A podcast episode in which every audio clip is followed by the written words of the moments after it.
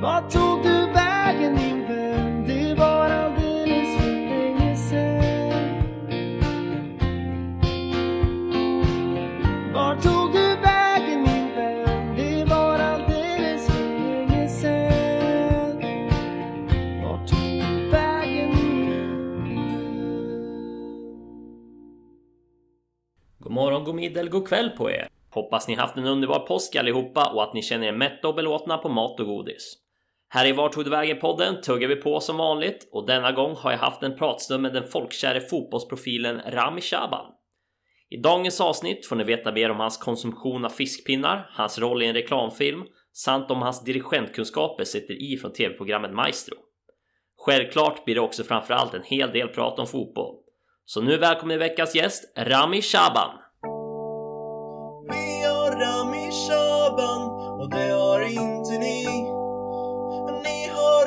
Ingen Zlatan, men det har faktiskt vi. Ni är avundsjuka troll som bara har på joll. Vi har Rami Shaban, men det har inte ni. Tjenare Rami! Hur är det läget? Eh, läget är bara bra i dessa oroliga tider. Men eh, ja, nej jag ska inte klaga. Ja, det är ju coronatider här. Hur har det påverkat dig? Inte så mycket faktiskt. Eh, resandet absolut. Jag skulle varit utomlands just nu. Eh, dykt. Eh, fått lite värme och sol. Eh, men eh, annars är det väl ingen större skillnad för min del. För mig och säkert flesta lyssnarna så är det ju känt som en fotbollsprofil. Men jag tänkte att vi skulle inleda intervjun där också. Om vi tänker så här, vi befinner oss på Highbury. Du ska göra Champions League-debut mot PSV. Vad för tankar går genom huvudet? Ja, det, det var ju självklart en speciell dag. Eh, anrik arena, Highbury, sett den på TV. Tror att vi hade väl tränat där ett par gånger innan jag fick göra min debut. Eh, för nu för tiden så tränar man inte på matcharenorna utan man har sin träningsanläggning. Så att det var väldigt mycket nytt för mig. Eh, omklädningsrummen, det är så mycket andra saker liksom. Eh, det var inte så nervöst som jag trodde det skulle vara. Eh, det var värre i Sverige och Djurgården när jag spelade i Djurgården. Då var det ju, eh, byggdes upp en nervositet i mig som var jobbig ibland. Jag fick reda på att jag skulle spela ja, fem, sex dagar innan matchen. Så att man kunde mentalt förbereda sig på ett helt annat sätt. Eh, sen var den här matchen inte med kniven mot strupen liksom. Vi var klara till nästa omgång i Champions League. PSV hade ju allt att spela för. De var tvungna att vinna på Highbury. Eh, Så vi hade luftat lite folk. eh, Vilat folk. Så det var inte första elvan kan man väl säga som spelade. Visserligen var det en del stora namn självklart med. Men... Och det kan ibland vara svårare. Eh, För då är det ju många som vill visa upp sig och många som inte har spelat ihop. Det var ju utmaningen. Men det var en härlig känsla. Jag tänkte att när den här debuten är avklarad så är det någonting man kommer minnas för livet liksom. Och det är ju därför vi sitter här idag och du ställer den här frågan till exempel. Det är ju sådana saker som jag redan då tänkte att fasen det här kommer vara något speciellt. Du nämnde ju det här med nerverna som du hade i Djurgården. Eh, hur, hur bearbetar du nerver? Det var olika från period till period har jag insett i mitt liv. I början i Djurgården så var det skitnervöst eh, att spela. Eh, jag var nog inte en sådär jättetrevlig person eh, på matchdagen mot mina närmaste. Jag ehm, slöt mig inne själv, var för mig själv, förberedde mig. Så man var ju nästan helt slut innan matchen började. Uppvärmningen ofta känner man sig jäkligt tung. Om det nu dränerade av just nervositet kan jag inte svara på riktigt. Eh, Men det kändes inte, man var inte pigg och alert på uppvärmningen utan jag gjorde ofta en ganska dålig uppvärmning. Men sen när väl adrenalinet pumpade in och matchen och då man blåste igång, då var man ju på det liksom. Har du haft några matchritualer innan? Ja, jag har haft en del eh, ritualer. Eh, alltid gå in med höger fot på plan. Sen hade jag ju också att, eftersom jag är muslim så hade jag vissa saker som jag sa i min skalle in, strax innan vi gick ut på plan liksom. Eh, mer så här trygghetssaker. Sen hade inte jag tusen olika grejer som många andra har. Eh, men Jag hade några få. Jag hade att jag satte på mig höger benskydd först till exempel. Men det är två, tre stycken grejer jag hade. Och den här matchen mot PSV, minns du hur den slutade? 0-0. Och det jag tar med mig från den matchen var egentligen två saker. Eller tre. Eh, Det ena är att Kolo Touré gör sin eh, debut också om jag inte minns fel. Eh, Och han får ju rött kort efter typ 10 minuter. Mm. Två gula kort. Det är det ena. Så vi spelar med en man kort i 80 minuter ungefär. Det andra är väl egentligen att de har väl någon chans. Då var det en spelare, Mattia Kessman hette han i PSV som var deras målskytt. Han hade ett friläge som jag räddade med en benparad. Det kommer jag ihåg. Och sen det märkliga var Eftersom PSV var tvungna att trycka på Så lyfte de upp sin målvakt eh, På hörnan på slut. Och han hade exakt likadan matchtröja som jag. Så att vi såg likadana ut. Så det kan ju också ställa till det. Men det där har de ändrat på nu senare år. Men det var också en sån här konstig grej som jag Fick med mig från den matchen liksom. Mm. Jag tänkte att vi skulle backa bandet lite och jobba oss fram till de här höjdpunkterna med Premier League och fotbolls-VM. Till att börja med, när väcktes fotbollsintresset hos dig? Fotbollsintresse. Alla barn börjar ju för att de tycker det är kul att spela fotboll. Det var ju egentligen när jag var i 5-6 års ålder som de flesta som började spela fotboll i runt 5-6 år. Men sen var det inte, det var egentligen där intresset började. Sen eh, har jag inte haft det här brinnande intresset. Jag har inte haft så här, ja, jag ska bli Maradona eller Pelé liksom när jag var ung. Nej. Utan det har ju varit mer en hobby, mer en kul grej att hålla igång och gemenskap, eh, kompisar, få rätt värderingar. Ja, har det varit lite som ett yrke för dig genom livet? Nej, det tycker jag inte. Eh, jag... Eh, många som jag har spelat med har ju haft det som yrke väldigt länge. Men jag, även när jag spelade i Djurgården och Allsvenskan så hade jag ett, om man nu får säga ett riktigt yrke på Vattenfall som IT-samordnare. Så det hade jag vid sidan om. Och jag var nog den enda som jobbade då när jag spelade i Djurgården med ett riktigt yrke. Så jag har ju sett det här mer som en hobby. Eh, Så att jag har egentligen aldrig haft de här drömmarna som många av de här spelarna har haft. Att ah, jag ska bli det här, jag ska spela Champions League, jag ska spela. Utan jag satt eh, i soffan och kollade på VM liksom 2002. Tyckte det var jättekul att titta på det. Men det var ingenting så här, "Ah, dit ska jag nå liksom. Utan Är du mer att du kör då dag för dag än att du har ett utsatt mål på längre sikt? Nej, jag har egentligen, man gör ju några viktiga beslut genom sitt liv liksom. Och ett viktigt beslut jag tog det var, jag var ju på väg att sluta med fotboll när jag var 20. Och det var ett val och där var det mer att eh, nu ska jag väl satsa på fotbollen. eh, Och se hur långt den tar mig. Det är väl egentligen det målet jag har haft. Sen har man haft små korta mål att ja, jag vill eh, bli första målvakt. Jag vill... Det är ju mer så korta mål veckovis, månadsvis. Men sen självklart har man haft drömmar att ja, det hade varit kul om jag hade fått spela. Men det är ingenting som jag så här helt helhjärtat har fokuserat på att dit ska jag. Nej. Var startade annars din karriär? Ja, min karriär, den... Eh, jag började ju spela fotboll eh, i Fisksätra. Mm. Inte så långt härifrån.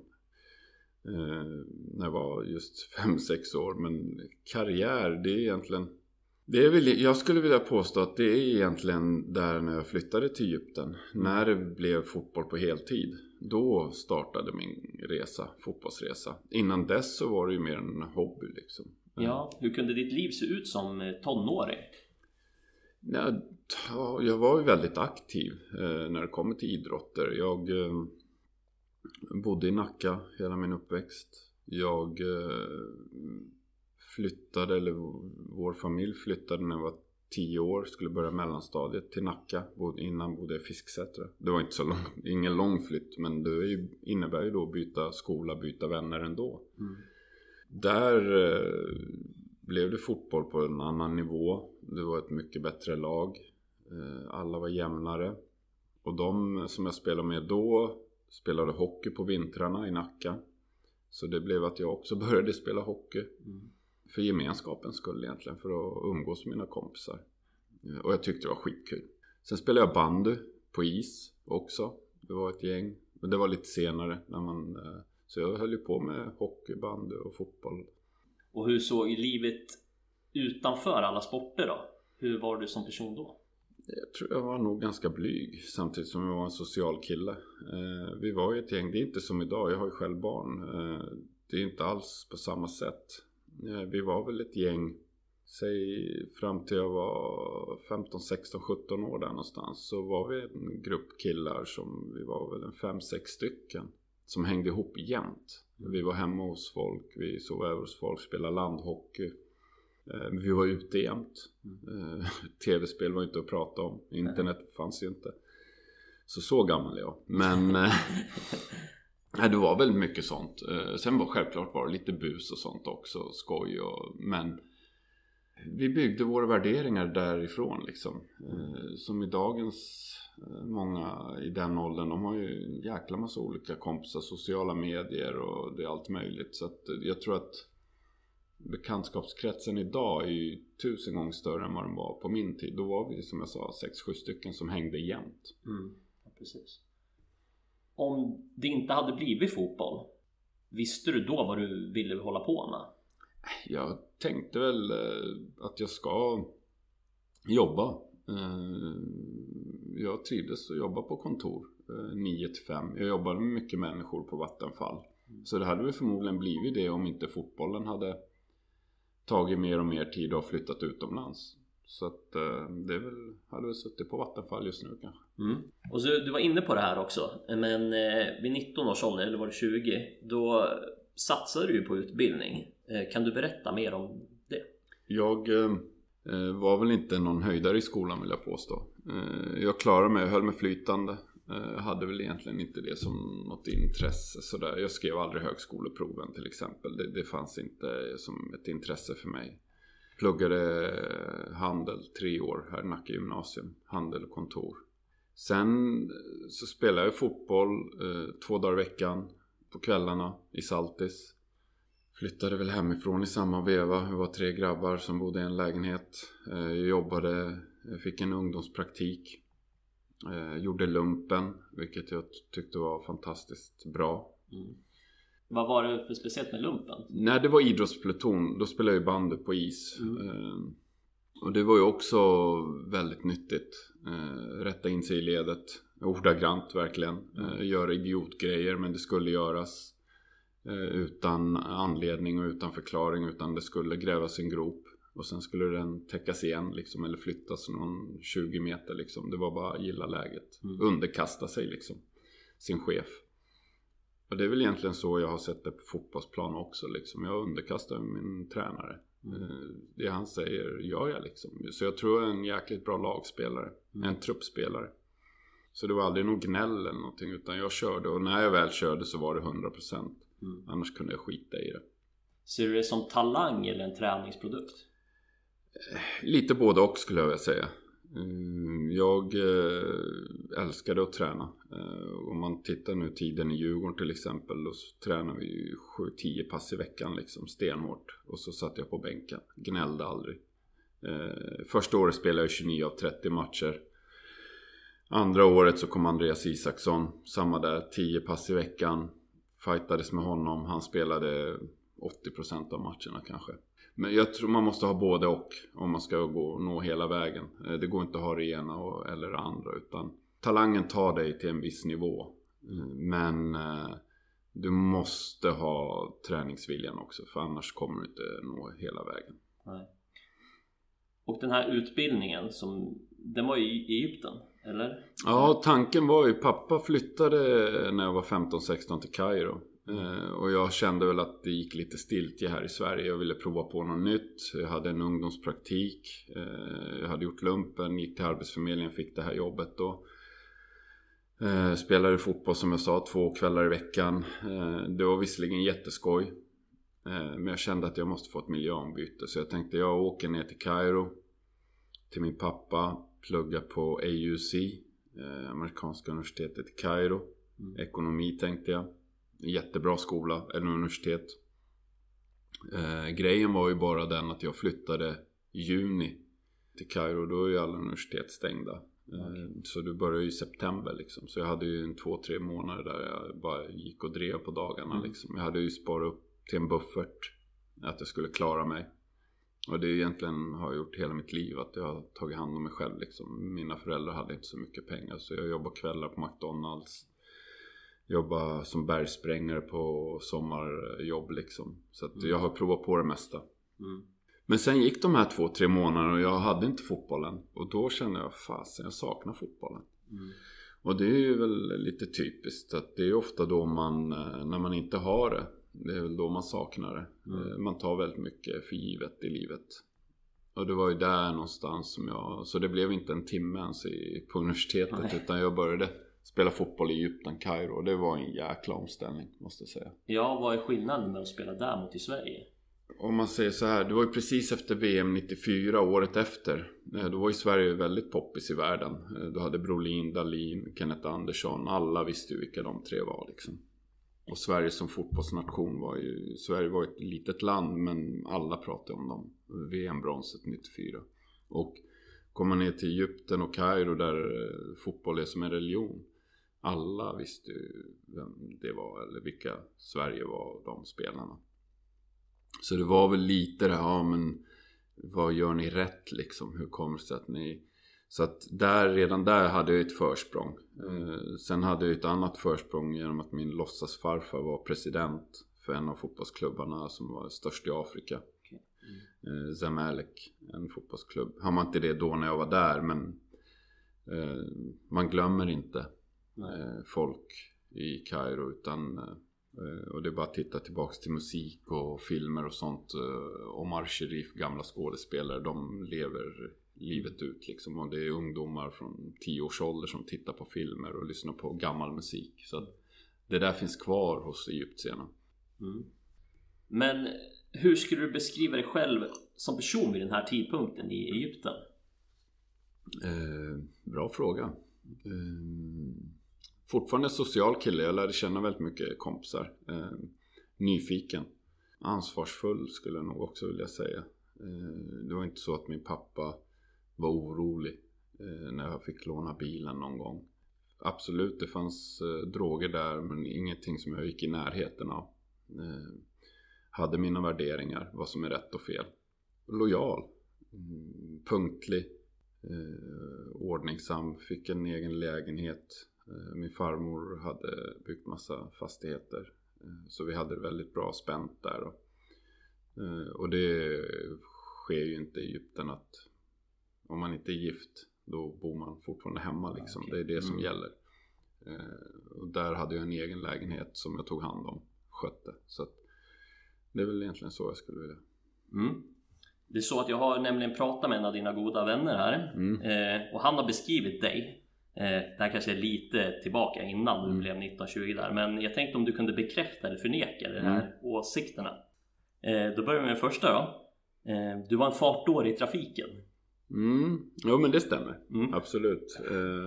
Jag gillade fart och speed. Jag vill inte påstå att jag är sån idag men jag körde väldigt fort. Mm. Det Har du åkt på några fortkörningsböter? Det har jag gjort.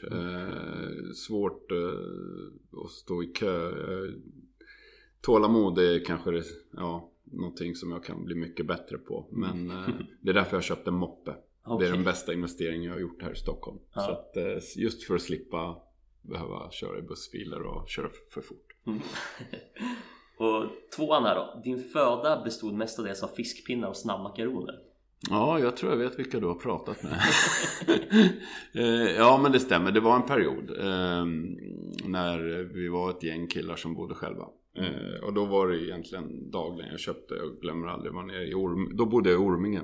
Eh, köpte jämt ett stort paket fiskpingar och snabbmakaroner. Mm. Kom hem från jobbet och då var det långa dagar för då var det just där att jag jobbade från åtta på morgonen. Eh, få i sig någonting snabbt innan träningen och sen åka ut till Saltis och träna. Mm.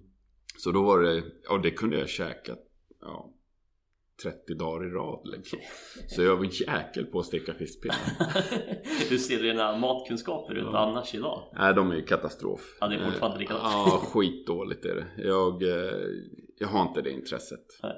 Men sen har man ju barn nu så att man får ju tänka en och två gånger.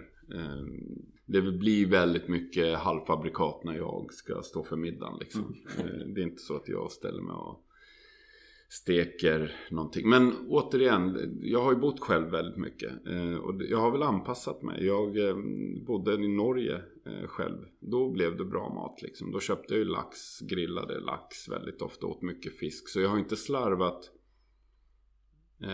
med maten när jag väl har varit som mest aktiv. Nej. Utan jag har alltid anpassat mig efter den miljön jag lever i. Yes. Nummer tre då. Du är en app-maniac. Ja, det stämmer också. Jag, jag har blivit det sista åren. Mm. Eh, inte spel och sånt utan det är mer så här teknikfreak liksom. Jag har ju snöat in mig i så här smarta hemlösningar. Okej. Och lagt alldeles för mycket pengar på sånt har jag insett. Ehm, Hur många appar har du ungefär i telefonen? det, det är ju... Det är, jag har många. Men jag har ju...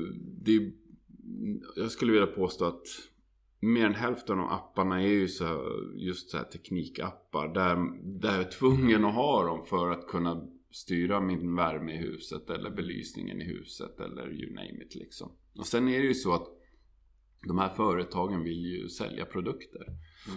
Så jag tror jag är en jäkligt bra kund för dem. Men, eh, men kollar man idag liksom. Du har eh, Sonos. eh, Det är appstyrt liksom. Du har belysningar av dess olika märken. Och har du två olika slags märken på belysningar. Då har du två hubbar och två appar ska du ha. Så det, det är inte för att försvara det. Men Så alla appar används i alla fall? alla appar används absolut, mer eller mindre. Mm. Eh, sen vissa, som värmeappen, det är inte så att jag står och reglerar eh, barnens rum dagligen liksom. Eh, så att, eh, men vissa appar används absolut dagligen. Mm. Yes. Nummer fem. Du var en danskung på Café Opera. Mm, det var en härlig tid. Ja. Eh, vi var ju ett gäng liksom. Och söndagar var ju en sån här dag när alla restaurangmänniskor gick ut. Så att eh, det, och jag var ju nykterist. Ska Mm. väl sägas också. Så att jag, jag var ju alltid chaufför. Okej. Så jag eh, tog ju min bil och så åkte vi ut ett gäng till Café Opera och eh, jag älskar att dansa. Mm. Eller älskade att dansa. Hur är du på att dansa? Ja, det beror på vem du frågar tror jag. Eh, Nej, men jag... eh, Om vi säger så här, jag dansar hellre än bra liksom. Mm. Så att, eh, men sen tror jag att det finns, jag har ju min idol Michael Jackson liksom. Så jag har några moves som jag kan ta fram om det skulle behövas liksom. Mm. Ja, du var ju med i Dansfeber i TV4 och körde Riverdance. Mm. Hur ser du tillbaka på din insats där? Jag, jag måste ju säga att jag var ju bäst av de tre som jag dansade med. Sen är inte det kanske, när, innan du hör namnen så kanske inte det betyder så mycket. Men jag hade Mats Magnusson, Masse Magnusson eh, som, från Benfica som kanske inte hade taktkänslan. Och sen hade jag Peter Antoine, Ja. eh, tysken som hade bredvid mig liksom. Så jag var ju överlägset bäst dem, om man säger så. Drog de ner dig? De drog ner mig i skiten liksom. Så att, eh, nej men det var jättekul. Och det är ju sådana grejer som jag tycker det är kul. Eh, det här som har gett någonting efter fotbollskarriären. Olika grejer som jag har varit med i. Sen har jag ju tackat nej till Let's Dance två gånger. Eh, just för att eh, det tog så mycket tid. Nu är det väl inte Let's Dance aktuellt kanske. Men som det här dansfeber, det var ju för välgörenhet pengarna skulle gå. Det är någonting som jag värnar väldigt mycket om faktiskt. Mm. Jag ska också säga att din vän han har inte bara snackat skit om dig utan han har även sagt några bra grejer. Han beskriver dig som väldigt omtänksam och givmild och att han hade väldigt svårt att komma på några dåliga sidor. Så det ska du ta med dig. Ja, det ska jag göra absolut. Nej, det är kul att höra. Ja. Men du, vi går tillbaka till fotbollen igen. När skulle du säga att ditt stora genombrott kom? Det var en fas skulle jag vilja säga. Eh, låter jävligt tråkigt kanske. Men det var just från att gå två träningar på kvällen med eh, avdankade fotbollsspelare liksom. Eh, vilket eh, mesta del av, för det var Saltis var en farmaklubb till eh, Nacka FF som spelade i division 1. Och de som inte platsade i Nacka spelade ofta i Saltis. Så det var ju sådana som var väldigt duktiga fotbollsspelare men kanske inte ville lägga ner den tiden på fotbollen. Så det var ett spann där. Det var ju från 18 år till 36-37-åringar som lirar liksom. Eh, Eh, och därifrån går då till Zamalek. Som tränade på dagtid, professionella, vann Champions League i Afrika. det var en jättekontrast eh, som jag bara härdade ut liksom. Jag blödde på höfter och knän. Men jag skulle fasen se hur långt jag räckte liksom. Den tiden, jag var väl där i Egypten ett år. Eh, och komma tillbaka sen till Nacka. Eh, Snuffe Sören Åkerby ringde och frågade om jag var intresserad. För de hade målvaktsproblem. Jag kände att det var läge att gå egentligen från den perioden insåg jag fan jag har utvecklats liksom. Som fotbollsspelare, som fotbollsmålvakt. Jag har blivit starkare, jag har blivit mer explosiv. Så från den tiden så var jag i Nacka, var det två och ett halvt år. Så, så det är inte en viss tidpunkt utan det är mer den resa jag gjorde från att jag kom hem från Egypten till att jag landade i Egypten. Sen kanske genombrottet kom i Djurgården skulle jag vilja påstå. När jag fick förtroendet att spela i Superettan. Mm. Och vi vann den överlägset. Även eh, Malmö kom efter oss. Eh, så det var vi och Malmö som gick upp i Allsvenskan. Så att eh, där, när jag gick till Djurgården kom väl genombrottet. Mm. Och när dök intresset från Arsenal upp? ja, det var ju också en sån här sjuk resa liksom. intresset kom väl egentligen mitten på augusti. fick jag ett samtal eller först kom eh, Soran till mig och sa Rami det är en eh, jäkligt bra klubb som är intresserad av dig i England liksom. Jag bara, skämtar han mm. eh, Tänkte inte mer på det. Hade ju precis, eller precis, jag var väl lite som i din situation. Jag hade ett barn som var sex månader. Det var fullt fokus på det. Precis köpt hus i Trollbäcken. Ja. Här ute i Tyresö Älta. Så fokus var ju inte på vart det skulle i min fotbollskarriär just då. Nej. Sen gick ju fotbollen väldigt bra den perioden. Eh, för hela Djurgården och för mig. Och sen gick det fort. Eh, sen var det så ja men det kan vara så att du kanske måste åka till London och provspela liksom. Eh, jag bara absolut. Mm. Eller inte London, England. För jag visste fortfarande inte vilken klubb det var. Okay. Sen kom Bosse Lunkan då som var ordförande med min advokat som jag hade då. Mm. Vi måste ha ett möte liksom. Och då satt vi på ett möte eh, vid World Trade Center i Stockholm. Där han hade sitt kontor. Eh, så ja, Rami det är en av topp tre klubbarna i England som är intresserad av dig. Mm.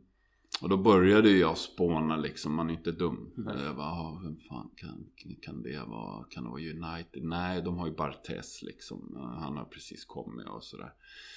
Kan det vara Chelsea? Nej. Eh, fan Arsenal, David Seaman, han börjar bli med åren liksom.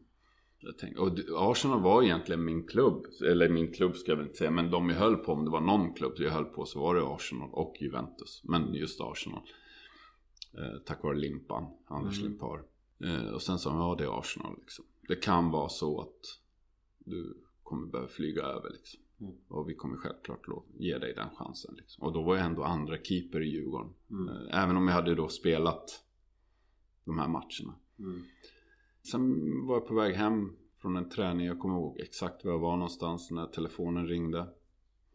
Eh, Rami, du ska åka... Och jag hade hyrt en film, skulle se en film med en polare. Mm.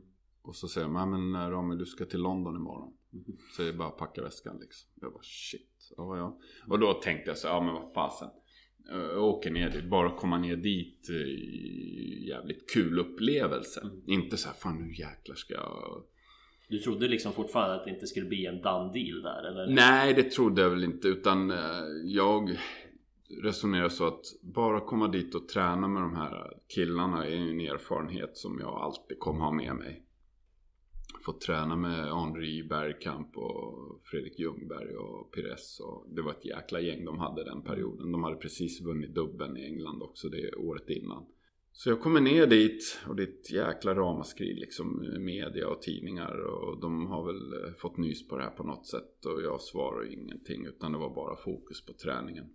Eh, hamnade bredvid Gilberto Silva eh, som precis hade vunnit VM han bodde i samma hotell som jag. Mm.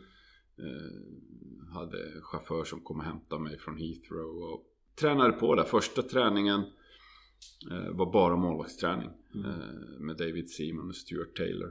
Det måste på något sätt varit väldigt surrealistiskt liksom och helt plötsligt vara på plats där om man jämför med tillvaron i, i Sverige även om det var på en bra nivå där också men Måste Ja. vara en jäkla skillnad. Ja, det var en jäkla skillnad med allt runt omkring. Eh, Så att, eh, men återigen, det är ju människor vi pratar om liksom. Det är inte robotar och jättetrevliga människor. Det var egentligen det jag eh, var fascinerad över. För jag hade ju hört mycket i England att det är så ja men fan en ny kille, nu ska vi sätta dit han liksom. Mm.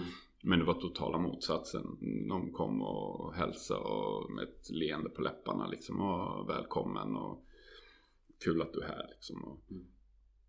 Så första passet var egentligen bara målvaktsträning. Sen var det väl lite avslut av eh, U23-killarna.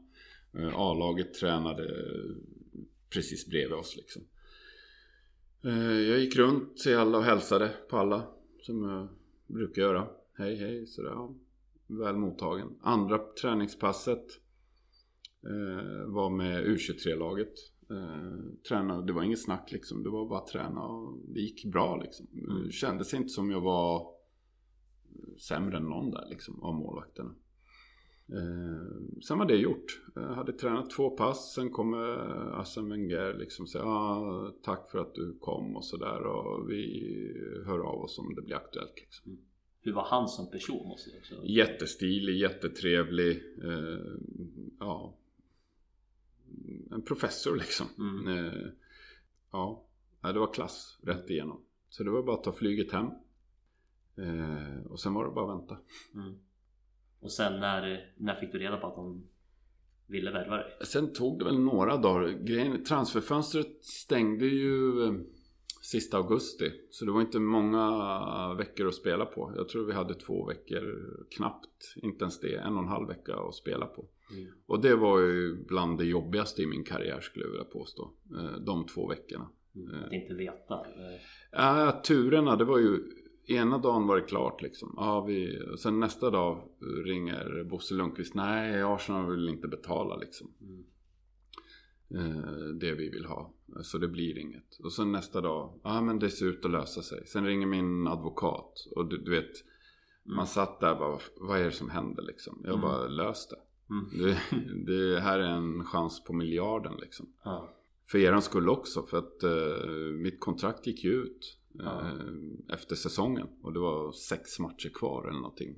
Sju matcher kvar i Allsvenskan. Mm. Och sen kunde jag gå gratis. Och sen eh, till slut då så eh, blev det klart. Mm. Och då det var ju, ja. Hur var känslan då? Ja, Firade du? ja det var ju så jäkla stressigt. Mm. Eh, från att det blev klart så var det bara direkt flyga ut till London igen för att skriva på. Eh, och det var inte så att jag satt i något förhandlingsläge. Utan det var bara att acceptera det de erbjöd Mm. ungefär. Mm. Och sen flyga hem igen för eh, avsluta allt med Djurgården liksom. Eh, så att eh, man hann igen. Det, det var ju stress från dag ett från att det var klart. Att det skulle hinnas. Men självklart eh, den känslan. Det, man har vissa perioder i livet som eh, när man tar körkort. Den känslan. Eh, man får sitt första jobb. Eh, man eh, skriver på ett sånt avtal. Eh, det är vissa sådana grejer man kommer ihåg. Eh, om man nu ser det professionellt liksom. Sen slår ingenting att få barn. Men det är ju en annan bit. Det har inte med yrket att göra liksom. Du nämnde ju det här med att eh, du hade en liten kille. Eh, hur fungerar det att kombinera proffskarriären med eh, familjen? Eh, Funkar bra. Eh, om man ser innan eh, jag flyttade över till England så hade jag ju långa dagar. Jag åkte hemifrån åtta på morgonen. Eh, var hemma åtta på kvällen. Ett jäkla slit liksom. Eh, att få ihop det. Eh, när man flyttade till England så var allting löst. Då tränar man två timmar om dagen. Inte ens det. Så att det var ju lättare att vara i England Mm. än att vara i Sverige. Eh, Min dåvarande fru eh, var inte tvungen att jobba. Eh, Hon var hemma och tog hand om vår son liksom.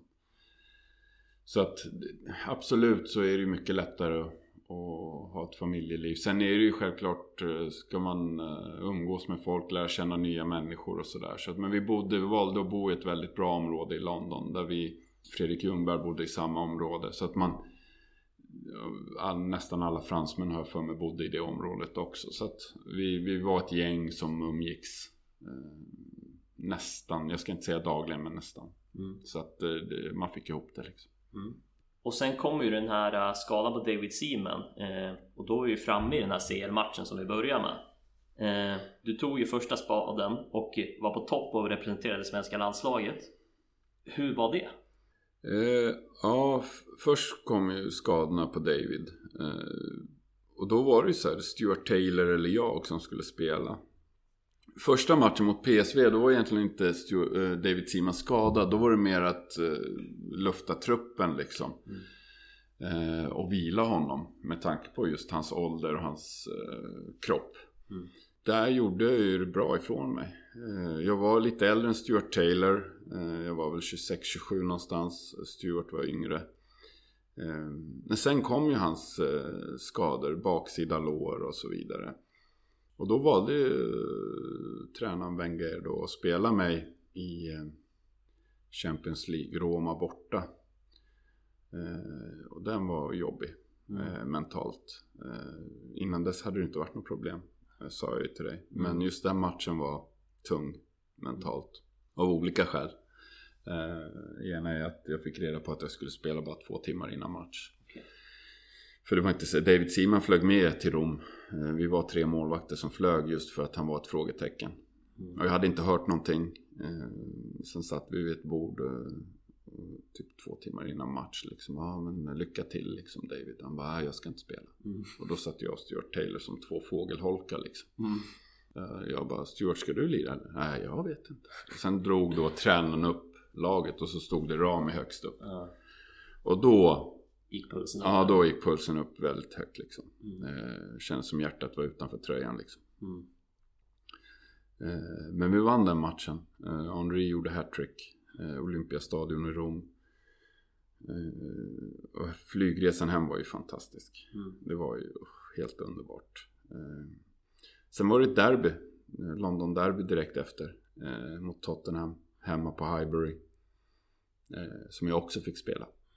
Och vi vann med 3-0. Eh, Så livet flöt på. Mm. Men jag visste ju då också att så fort David Seaman blir frisk så kommer han spela. Mm. Man flyttar inte på honom liksom. Så att eh, alla pratade väl om att ja, du tog över som första mål. Men riktigt så var det inte. Utan jag visste att det här sista året, eller det var ju David Seamans sista år på kontraktet i alla fall. Mm. Så kommer han spela de matcher som han är frisk. Mm. Eh, Så att, eh, men jag förstod väl där och då att jag var andra målvakt. Mm.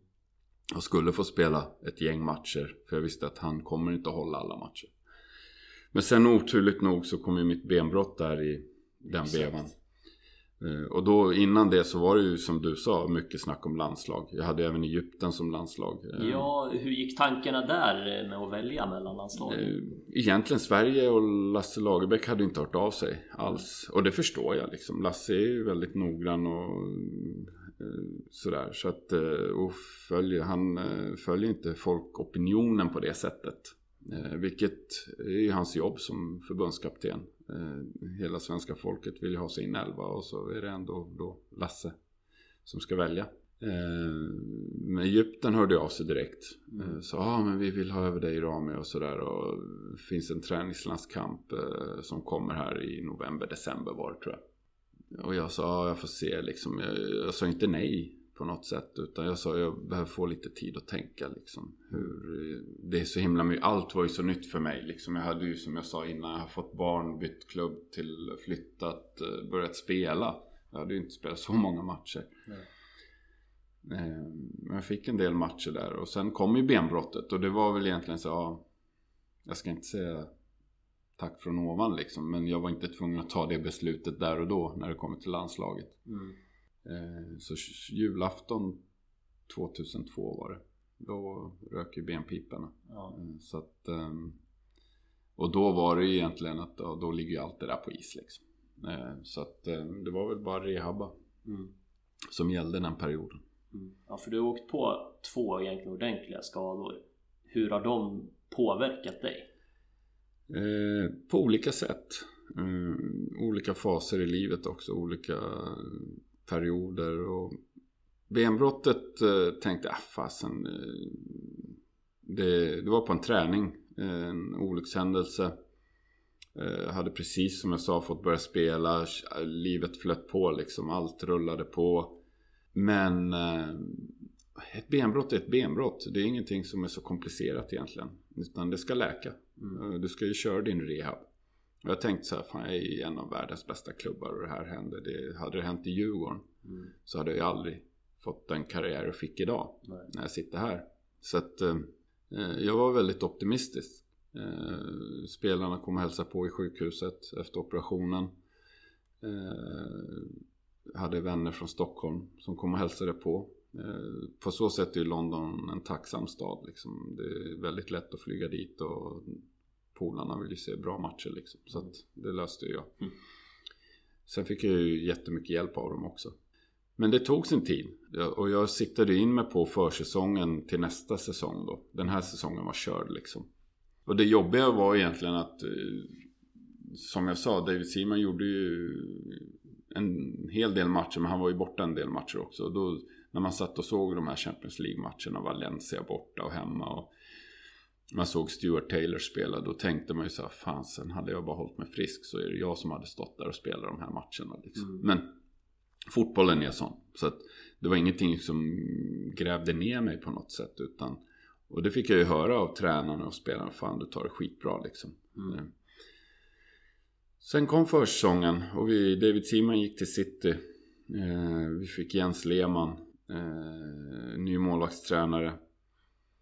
Eh, det var tufft. Mm. Eh, samtidigt som jag fightades liksom att komma tillbaks.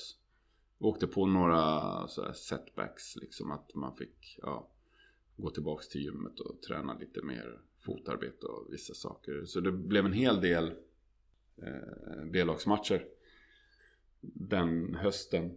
Och det året så, det var Invincibles. Mm. Det året torskade vi inte en match liksom. Nej.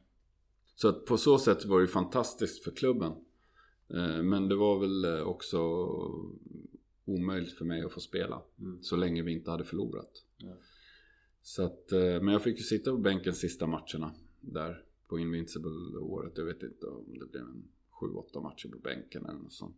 Och sen tog ju mitt kontrakt slut där efter. Och det var, det var, där var jag ju naiv liksom. Där trodde jag, vad fasen när jag spelat i Arsenal, det ska inte vara så svårt att hitta en ny klubb. Men det var svårare än vad jag trodde. Mm. Eh, Och där egentligen började min tuffaste period fotbollsmässigt. Mm. Efter det. För jag... eh, I samma veva så separerade vi, skilde oss. Eh, Jag hade svårt att hitta klubb. Jag åkte ju runt land och rike liksom. Eh, Fick ett avtalsförslag i Frankrike, Santet igen, ett år. Men jag kände att eh, ska jag flytta till Frankrike, ett nytt språk, ett år, mitt självförtroende var sargat. Jag var inte säker på att jag skulle få spela liksom. Eh, Det kände jag, det tackade jag nej till. Eh, Jag var nere och tränade med dem en vecka i Biarritz tränings försäsongen då på sommaren där. Men eh, jag sket i det. Mm. Jag stannade kvar i London, letade klubb. Eller i England. Men det var tufft. Gick till, vissa provspel gick jättebra. Men vissa gick skit. Och just mycket på grund av att jag tror att jag gick igenom skilsmässan under samma period. Så mentalt var jag inte med liksom. Det var att åka tåg ut till Wickham liksom och träna ja, division 1 i England. Och jag bara, fan jag är här liksom. Så den perioden var superjobbig faktiskt. I större delen av din karriär har du ändå fått vara i andra målvakt. Hur, hur har det varit? Jag tänker så här, man måste ju ändå hela tiden vara beredd på något sätt. Men samtidigt ja, nöta bänken. Ja, det, det är tufft. Vissa klarar av det bättre än andra. Mm. Eh, Men jag, jag hade aldrig problem med det. Jag tränade, jag missade ju aldrig en träning liksom. Om jag inte nu var jättesjuk. Eh, Men jag älskade att träna. Mm. Eh, Mycket för gemenskapens skull. Sen var det väl tur också att jag hamnade i klubbar då som var väldigt framgångsrika. Så det var ju en bra stämning hela tiden. Eh, även om man eh, satt på bänken mycket i Arsenal, mycket i Djurgården. Så var det ändå perioder i klubbarnas tid som folk fortfarande än idag pratar om. Det här, vi pratar 15-20 år sedan. Så är det ändå de perioderna som frågar man gemene man så är det ah, Invincibles liksom. Eh, Djurgården, ah, guldåren. Eh, så att det var inte så jäkla svårt att komma dit med bra stämning, mycket tjo och tjim och skratt liksom. Eh, Så att det var jättebra miljöer att vara i. Om vi kollar, tänker lite på landslaget då. Du fick ju vara med och spela VM. Kan du berätta lite om den upple- upplevelsen? Ja, det var ju som min karriär. Det har ju verkligen varit upp och ner liksom. Fågel eller fisk. Eh, Jag, eh, till slut så hittade jag en klubb i Norge. Eh, Efter England. Det tog ett tag. Eh, Men där fick jag ett längre avtal och de trodde på mig. Och det var ju räddningen. Det är också ett så här beslut som jag känner i efterhand att eh, det var helt rätt beslut. Eh, och fortfarande då tänkte inte jag på landslaget. Jag var ju så nära att sluta efter eh, Englandsperioden för jag hittade ingen klubb Som inte var till och med så pass. Ja, absolut. Mm. Det var väldigt nära att jag slutade. Men sen dök det här i Norge upp. eh, Och tänkte, ja, tre år. Då, då har jag tid att bygga upp mig liksom, som människa och som fotbollsmålvakt. Eh, Och det gick jättebra. Jag kom dit eh, december 2005. Eh, Började med en försäsong, fick börja om från scratch liksom. Så att eh, allt flöt på perfekt. Kände gemenskap igen från att ha tränat själv i ett år liksom. Eh, Och massa problem. Eh, Det var räddningen skulle jag vilja säga. Eh, men eh, Eddie Gustafsson spelade i Norge den perioden och han var petad av eh, Dalin i Lynn. Det var återigen en annans död, en annans bröd liksom. Eh, Så att eh, och då började det pratas om landslag i, kan det ha varit april? Sen gick det väldigt fort. Sen fick jag ett samtal från Lagerbäck tror jag det var. Eller Roland Andersson sa men vi kommer att titta när ni spelar mot Vålerenga. Eller jag kommer. Ja vad kul. Så. Och gick bra, vi vann mot dem. Sen hörde jag ingenting på några veckor. Sen ringer, om det var dagen innan presskonferensen eller om det var samma dag. För de har ju alltid en presskonferens innan VM-truppen liksom. Då sa han, men jag har tagit ut dig till VM-truppen Rami. Och jag kommer det är också ett sånt här samtal som jag kommer exakt ihåg vart jag var Mm. i Norge. Eh, satt på ett utekafé, mormors café hette det, i Gamlebyn, så här gammal, som Gamla stan typ. Och då ringde han och sa, men jag, du är med i... Jag bara, tack så mycket, vad ska man säga. Så att, ehm, och därifrån så rullade det och där eh, tog karriären fart igen kan man väl säga. Mm. Och så fick du ju spela en match i VM också. Mm, ja, jag hade ju fightats med Andreas i Djurgården en massa år. Och nu var det dags i landslaget igen. Så att eh, vi kände varandra väldigt väl. Jag visste ju liksom att antingen var jag andra eller tredje keeper. Mm. Eh, och så får han en, en boll i huvudet av Kim då, eh, rumskompisen. Eh, jag tänkte inte mer på det liksom. Jag, ja, han fick kliva åt sidan. Och sen så, bara, nej, så tog eh, Lagerbäck oss, mig och Alvbåge och sa att eh, Andreas kommer inte kunna spela. Han har en lätt hjärnskakning första matchen. Eh, så att, eh, och då skulle vi haft, jag skulle haft press jag för mig den dagen. Så att Okej. vi skiter i det Rami, du, vi tar dit någon annan. Mm. För det kommer bli spekulationer och massa frågor om det. Eh, Och då börjar det igen liksom och undra vem fan som ska spela liksom. Alvbåge som har spelat, jag kommer inte ihåg om han var eh, Göteborg då eller inte. Eh, Eller om han spelar mig liksom. Men jag kände någonstans ändå att ah, fan, jag tror han kommer lira mig. Ja. Även om jag kom in med tröja nummer 23 bland de sista in i truppen. Så var det, ja, fan jag har ju ändå spelat Champions League, Premier League, alltså stora matcher. Mm. Och jag har hanterat det bra. Jag tror att det kommer väga över liksom. Och det gjorde det. Mm. Eh, Jag frågar inte Lagerbäck varför liksom. Jag har aldrig, även när jag varit petad så har jag aldrig frågat varför jag blir petad. Utan jag kör liksom. Hur var pulsen då? Var det samma som Champions League mot Roma? Eller? Nej, det var det inte. Men också att du fick, du fick ju reda på det innan. Ja, innan så. ja exakt. Eh, Eller jag kunde förbereda mig på ett annat sätt. Jag, jag räknade med att jag skulle spela. Mm. Även om jag inte fick det på pränt att jag skulle spela. Eh, förrän väldigt sent. Men jag räknade med det liksom. Och då tänkte jag så här, fan mamma var på plats med min son. Eh, för det var redan bestämt sen innan. Eh, att eh, fruarna skulle få komma och se första matchen. Liksom. Mm. De flög över dem. Och, men då var jag singel. Så jag ja, men jag tar med mig mamma och min son. Liksom. Så jag visste att de var på plats. Så det var mer så här. Fan min son ska få se mig spela en VM-match. liksom. Sen visserligen kommer han inte ihåg så mycket av det liksom. Eller någonting tror jag. Han var väl fem, vad kan han ha varit? Fyra år liksom. Ja. Men det var ändå det här att han har, han har gjort det liksom. Han har varit där på plats. Mm. Min mamma var på plats. Eh, Det var mer de tankarna jag hade. Ett, eh, ja, ett minne för livet. Mm. Så att jag kände inte den pressen på det sättet. Eh, Allt var perfekt. Det var en fantastisk soldag och spela på Alli, inte Allianz Arena, Signal Iduna Park, Westfalenstadion. Eh, en arena som tog 60 000 någonting. Liksom.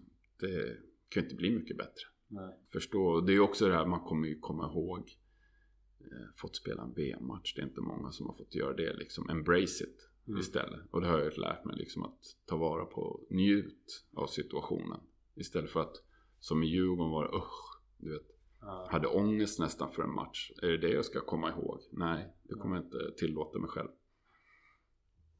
Sen efter fotbollskarriären då? Eller om vi säger så här, planerade du någonting vad du skulle göra efter fotbollskarriären? När du väl var i den så att säga? Ja, på slutet, i, jag gick ju till Hammarby sen. Eh, eh, sista åren i Hammarby, jag åkte på korsbandsskada. Det var ju min andra tuffa skada i karriären. Liksom. Den var ju mycket svårare än benbrottet. Om man nu ser till läkningsprocess och sådär. För den eh, blev jag aldrig kvitt egentligen. Utan Mm. jag fick massa följdskador och så vidare. Så det var en jäkligt tung period. Men sen mot slutet där 2011, 2012. Eh, så började jag ju självklart tänka på vad jag ska göra efter. Eh, och då kom jag in på kapitalförvaltning och sånt. Jag var intresserad av hur den branschen funkar. Mm. Eh, så det gav jag mig in i. Mm. Yes. Du kommer ju också vara med i en hel del tv-program. Mm. Hur kom det sig att det blev så mycket tv-jobb? Jag, jag tror att jag blev på slutet väldigt folkkär. Mm. Jag gick hem hos de flesta. Eh, Inte alla, men de flesta. Eh, Och sen var ju jag ganska selektiv liksom i de här tv-programmen. Jag, jag kände att vissa saker passar och vissa passar inte. Eh, Så att om jag har varit med på 10 grejer så kanske jag har tackat nej till eh, 80 grejer. Alltså om man nu ser Mm. proportionellt liksom. Eh, Och jag har alltid, om man tar till exempel Ja, dansfeber, det var en välgörenhetsgrej. Det tyckte jag var självklart. Ställa upp för eh, de behövande liksom. Det var en no-brainer liksom. Sen eh, Fångarna på fortet. Det var ju så här, fan, det kollade jag på när jag var liten ung. Jag har alltid sett så jävla spännande ut bland ormar och spindlar och allt. Och, eh, så det tackade jag också ja till. Mm. Eh, tyckte det var kul. Eh, simhopp Mm. var jag med i. Eh, också en sån här grej som att det kommer jag aldrig få lära mig om jag inte är med i det här liksom. Nej. Så det har ju varit utmaningar i grejer jag har gjort. Mm. Och det var lite det jag kände med eh, Let's Dance, att jag tackade nej till det. Det var ju just att fan dansa, det kan de flesta liksom göra på Café Opera som jag gjorde då. eh, men simhopp, eh, det är en utmaning. Sen gillade jag ju program som kanske var att domarna röstar än folket röstar. För det, när folk röstar så blir det mer en popularitetstävling mer än vad du egentligen gör på utövare i den tävlingen. Liksom. Mm. Ja, för du har ju även varit med i Maestro. Mm. Eh, och de som inte vet vad det programmet är så gick det ju på SVT. Och andra kändisar skulle dirigera en orkester. Eh, och nu tänkte jag testa dig. Mm. jag tänkte kolla om du känner igen instrumenten i en symfoniorkester. Uff. Känner du dig redo för det här? Ja, kör på bara. Vi testar då, får vi se hur det här Ja. går. Viol. Tyvärr, det är fel. Det var en cello. Cello. Ja, ja. Vi tar nummer två.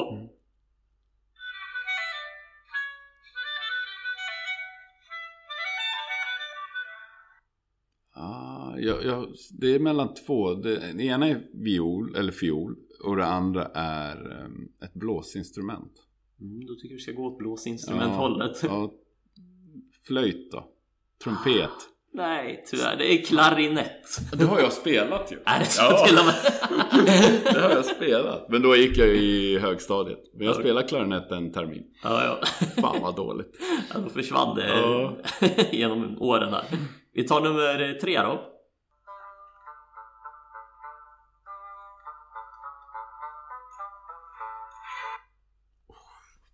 Fasen kan det där vara? Nu får du ge mig en Ja, ledtråd. den här är klurig. Det är också ett blåsinstrument. Trumpet? Nej, det är en fagott. Fagott, ja. Mm. Två kvar här då. Ja. Vi ser om du kan rädda det. Nu kör vi.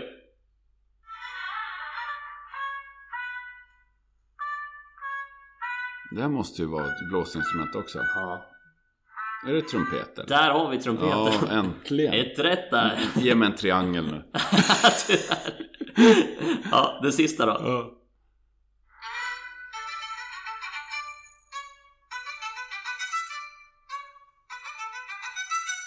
Ja, det är ju en eh, stråkinstrument. Ja.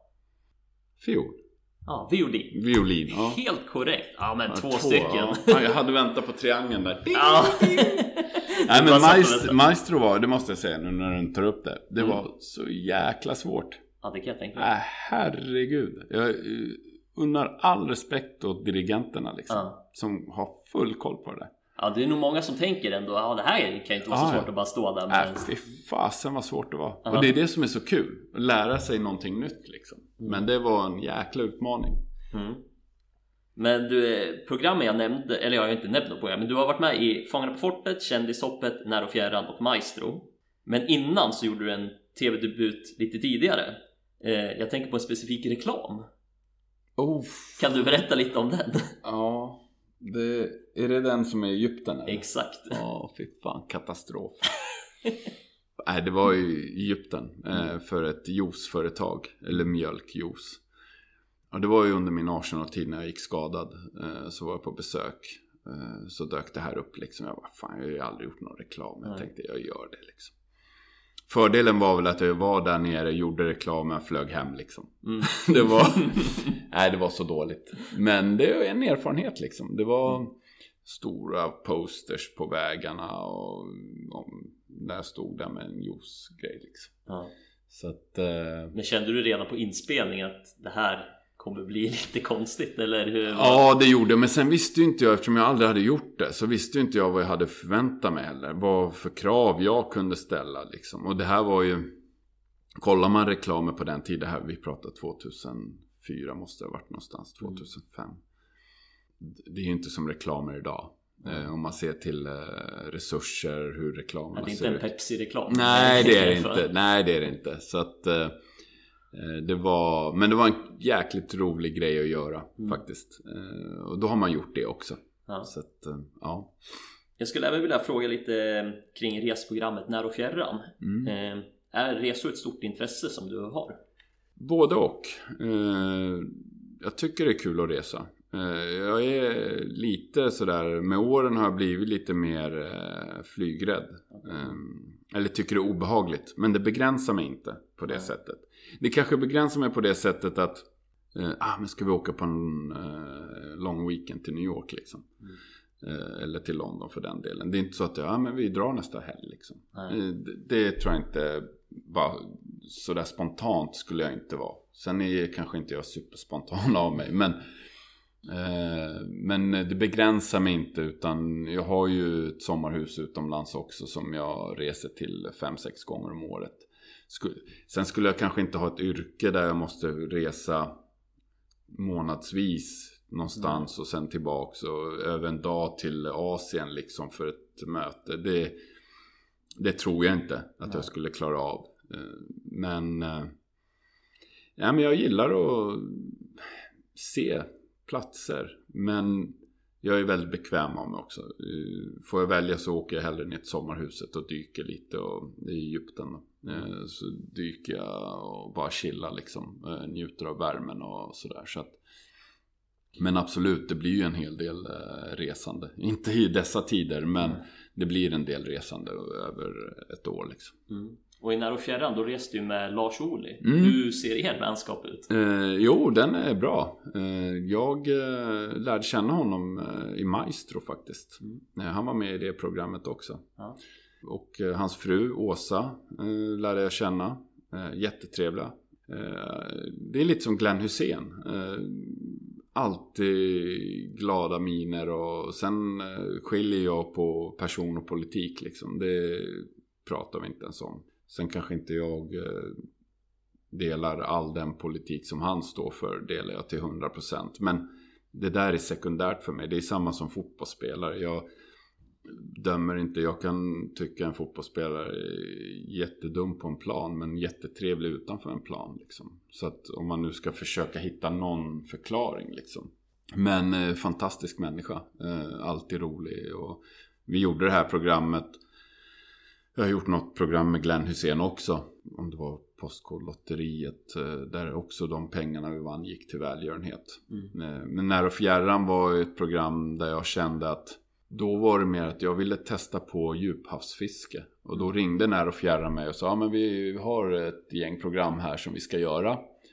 Eh, och jag och Lars Ohly hade snackat om fan, ska, vad ska vi hitta på liksom. Någon åkte till eh, ja, New York liksom, ville se någonting där. De hade en passion för det liksom.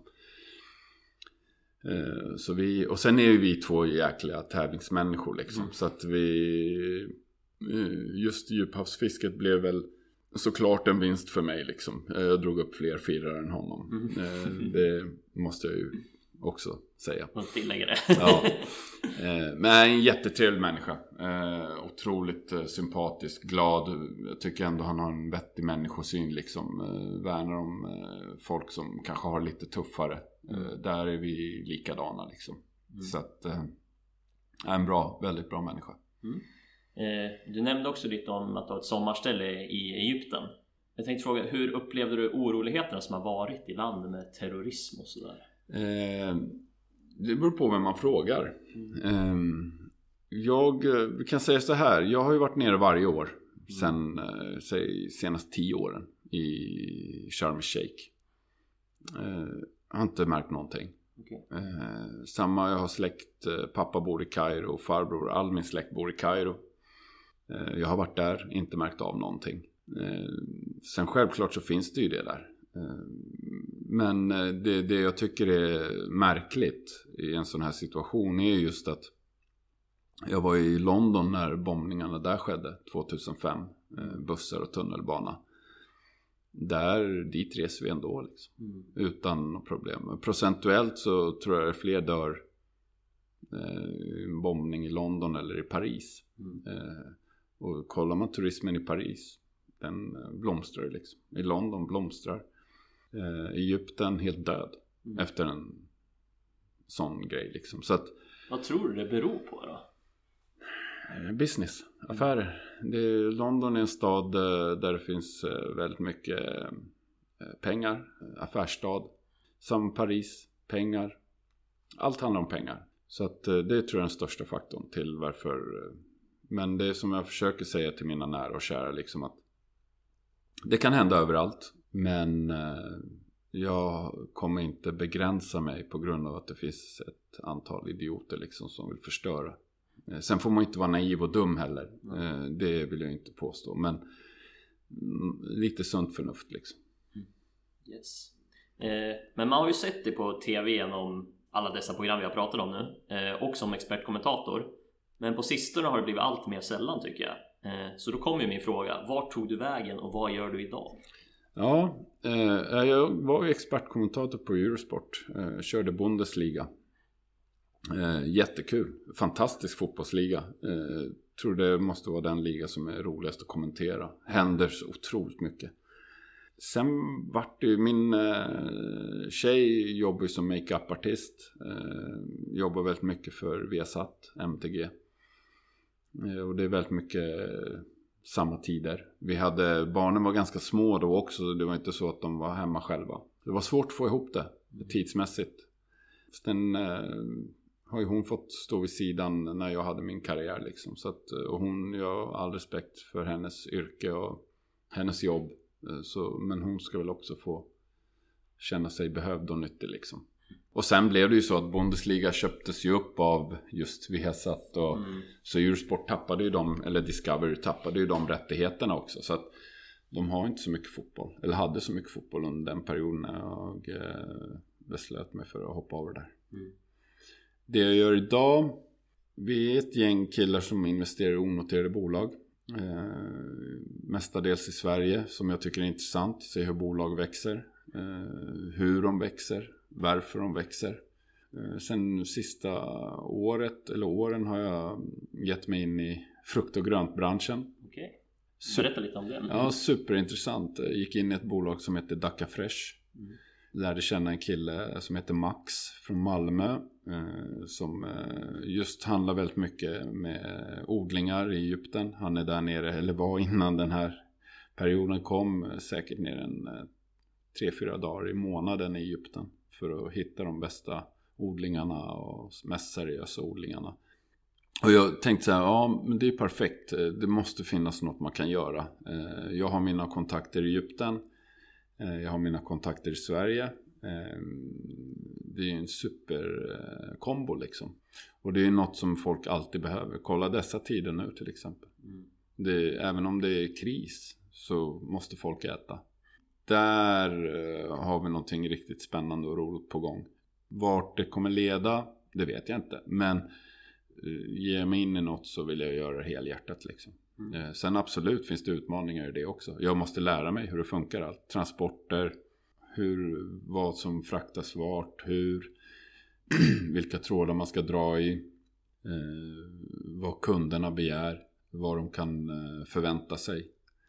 Och sen en kundrelation. Jag tycker det är kul att jobba med seriösa, duktiga kunder eller ja, eh, människor. Det har jag gjort sen jag var i fotbollskarriären. Liksom. Eh, Jobba med de bästa. Det finns ju inget bättre än så. Mm. Eh, är du fortfarande öppen för att ta fler tv-jobb? Det beror helt på vad det är för något. Jag har ju varit väldigt selektiv i det jag har gjort. Det beror helt på. Är det en utmaning som jag känner att ja, fan, det här kan vara kul att testa på liksom, så skulle jag nog göra absolut. Det Mm. tror jag. Yes. Vi var inne på det här med att du ändå har blivit folkkär. Och du verkar väl vara en väldigt så här genuin och snäll person. Men vad gör dig riktigt förbannad? Ja, det som gör mig förbannad, det, det är ju just sådana här saker som, ta nu häromdagen liksom. Eh, jag har en kompis som har en restaurang i, på PK-huset. Eh, du har ett systembolag där. Eh, som lägger ut en kampanj och det är mils, eller inte milslång, men det är 100 meters köer liksom. Mm. Och där står folk och trängs liksom. Medans folk ger bort mat. De ger bort skyddsutrustning för de äldre. Eh, orättvisor eh, är något som gör mig förbannad. Eh, men just den, bara för att peka på någonting i nutiden så sånt kan ju göra mig förbannad. Liksom att bara man får sin eh, vin eller sin öl så då gör man vad som helst liksom. Mm. Medan sjukvårdspersonalen går på knäna. Eh, Sen kanske, ja men det drabbar inte mig liksom. Men nej men du belastar sjukvården på ett sätt som, eh, och det är just sådana här folksamlingar som gör att sjukvården belastas ännu mer. Mm. Och att man inte har sunt förnuft i de lägena. Nu dricker inte jag alkohol men skulle jag gå in eh, och se shit det är skitmycket folk, nej jag skiter i det liksom. Det är bara att gå därifrån. Ja. Nej, jag ska stå i den där kön i timmar Mm. för att få min eh, speciella vin liksom. Det är för mig, sånt kan göra mig förbannad. Är du själv orolig över coronaviruset? Nej, det är jag egentligen inte. Eh, jag har ju en gammal mamma eh, som absolut man är orolig för. Jag har eh, en pappa, skulle han få det skulle han dö liksom. Han har ju alla de grejer som man inte ska ha liksom. Han har otroligt svaga lungor, han har astma, han har allt liksom Mm. som talar emot det. Han bor i Egypten och honom pratar jag med nästan dagligen. Så för min egen del är jag inte orolig, eller min familj. Eh, men det finns ju så många andra i en familj som kan bli drabbade. De är man ju orolig för. Men samtidigt så är både mamma och min pappa inte sådana som eh, tror att de är övermänniskor som många äldre gör. Eh, som köper till exempel rökt ål i saluhallen liksom. Så är inte mina föräldrar. De stannar hemma. Jag, nej, jag är inte en orolig människa av mig på det sättet. Eh, Så att eh, för mig som jag sa innan här i början på programmet att jag, det är inte så mycket som har begränsat mig. Eh, Men sen absolut är man ju försiktig. Man tvättar händerna som aldrig förr liksom. Man kanske inte kramas lika mycket som man gjorde innan. Det är egentligen den största skillnaden för min del. Sen, men oro, nej, jag, jag har aldrig varit så här riktigt orolig för sådana här. Nu är det ju första gången jag får uppleva en sån här kris liksom på det sättet. Men eh, nej, jag är inte orolig av mig på det sättet. Nej. Hur hoppas du annars att din framtid ser ut? Eh, Det är att eh, min eh, familj får vara friska och krya och sen just det här med Dacca Fresh som jag och Max och hans bror och några till har kört liksom att det, det kommer bli vad jag hoppas att det kommer bli liksom. Mm. Att det rullar på och att man kan leverera superbra kvalitet på frukt och grönt. Det är det närmaste i närmsta framtiden. Mm. Om du ska ge ett råd till bakåt i tiden när du var 20, vad skulle du ge för råd då? Och om du ska hoppa framåt i tiden när du är 60, vad skulle du ge för råd då? Uff, ja. ja, 20, det, det, alltså go with the flow tror jag. Eh, jag, jag har egentligen, jag har fått den frågan, några, inte just sådär, men jag har fått, är det något du ångrar i livet liksom? Skulle du vilja göra något annorlunda? Nej, jag, jag känner väl att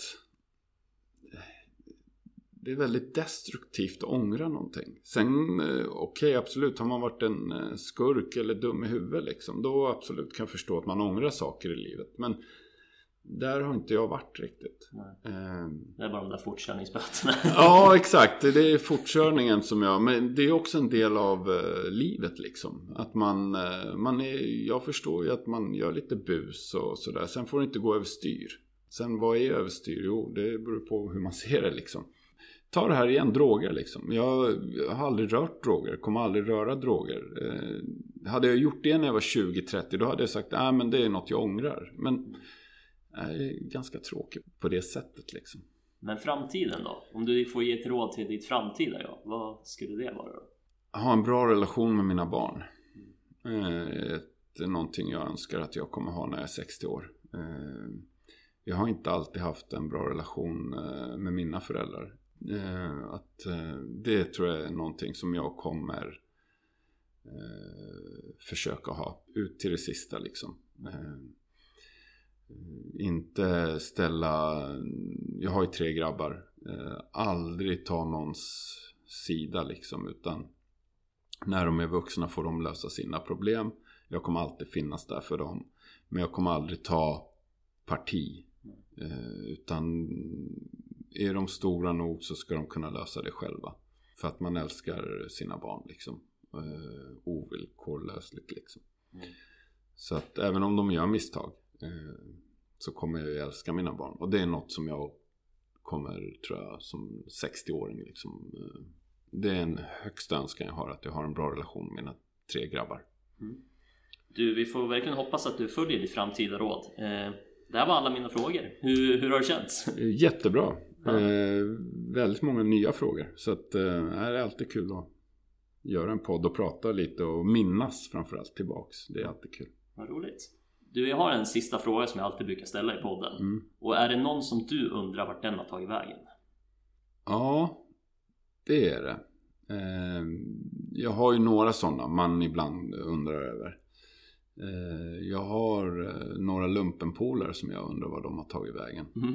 Eh, jag har haft kontakt med dem för herrans massa år sedan. Men nu sista tio åren kanske jag inte haft det liksom. Så att jag har en sån här Thomas Dickens till exempel. En eh, riktig eh, västgötska eh, kille från Skara liksom. Eller Kinnekulle. Eh, det är en sån kille som var fantastiskt rolig. Han undrar vad han gör idag till exempel. Jag hoppas att han hör av sig nu efter Ja. podden om han har lyssnat.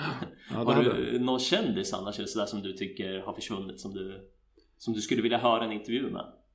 Så jäkla dålig på såna här kändisar. Jag har inte haft det intresset på det sättet. Sportprofil då? Ja. Jag träffade faktiskt Arne Hegerfors här för ett tag sedan. Eh, han har haft det jäkligt tufft sista åren. Eh, pratade lite med honom. Eh, fantastisk människa också. Följt min karriär gjorde han ju eftersom det är ju den tiden när jag spelade. Eh, det ska väl vara något i den stilen. Eh, men Arne Hegerfors var fantastiskt kul att träffa. Sen som sagt har han åkt på en hel del tuffa sjukdomar på slutet här. hans fru är ju fantastisk som hjälper honom. Men som har försvunnit som han inte har kontakt med. Menar du då någon från Sverige eller utomlands? Eller? Du, du får komma med vad du vill så... Ja, Sylvain Wiltord skulle jag... Han är också en sån här kille Ja. som... Eh, jag undrar vad han gör då. Det var väl ett bra namn här. Mm, ja. Jag kanske var svårt att få han i podden. men- Ja, det tror jag också. Om du inte pratar bra franska. Ja, det- Hans den är engelska väl- är sådär liksom. Ja okej, ja, det kunde bli en väldigt svårtolkad podd. Men du, eh, tusen tack för att du ville vara med i programmet. Ehm, och till er lyssnare, ta hand om varandra så hörs vi snart igen. Hej då! Ja, det där var alltså avsnitt nummer sju med Rami Shaban. Undrar ni hur hans reklamfilm från Egypten såg ut så föreslår jag att ni går in och kikar på Vart tog du vägen på Instagram. Annars återstår bara för mig att tacka Rami för pratstunden och introt, ja, det är som vanligt gjort av Måns Brorsson. Tusen tack för att ni har lyssnat. Vi hörs snart igen. Hej då!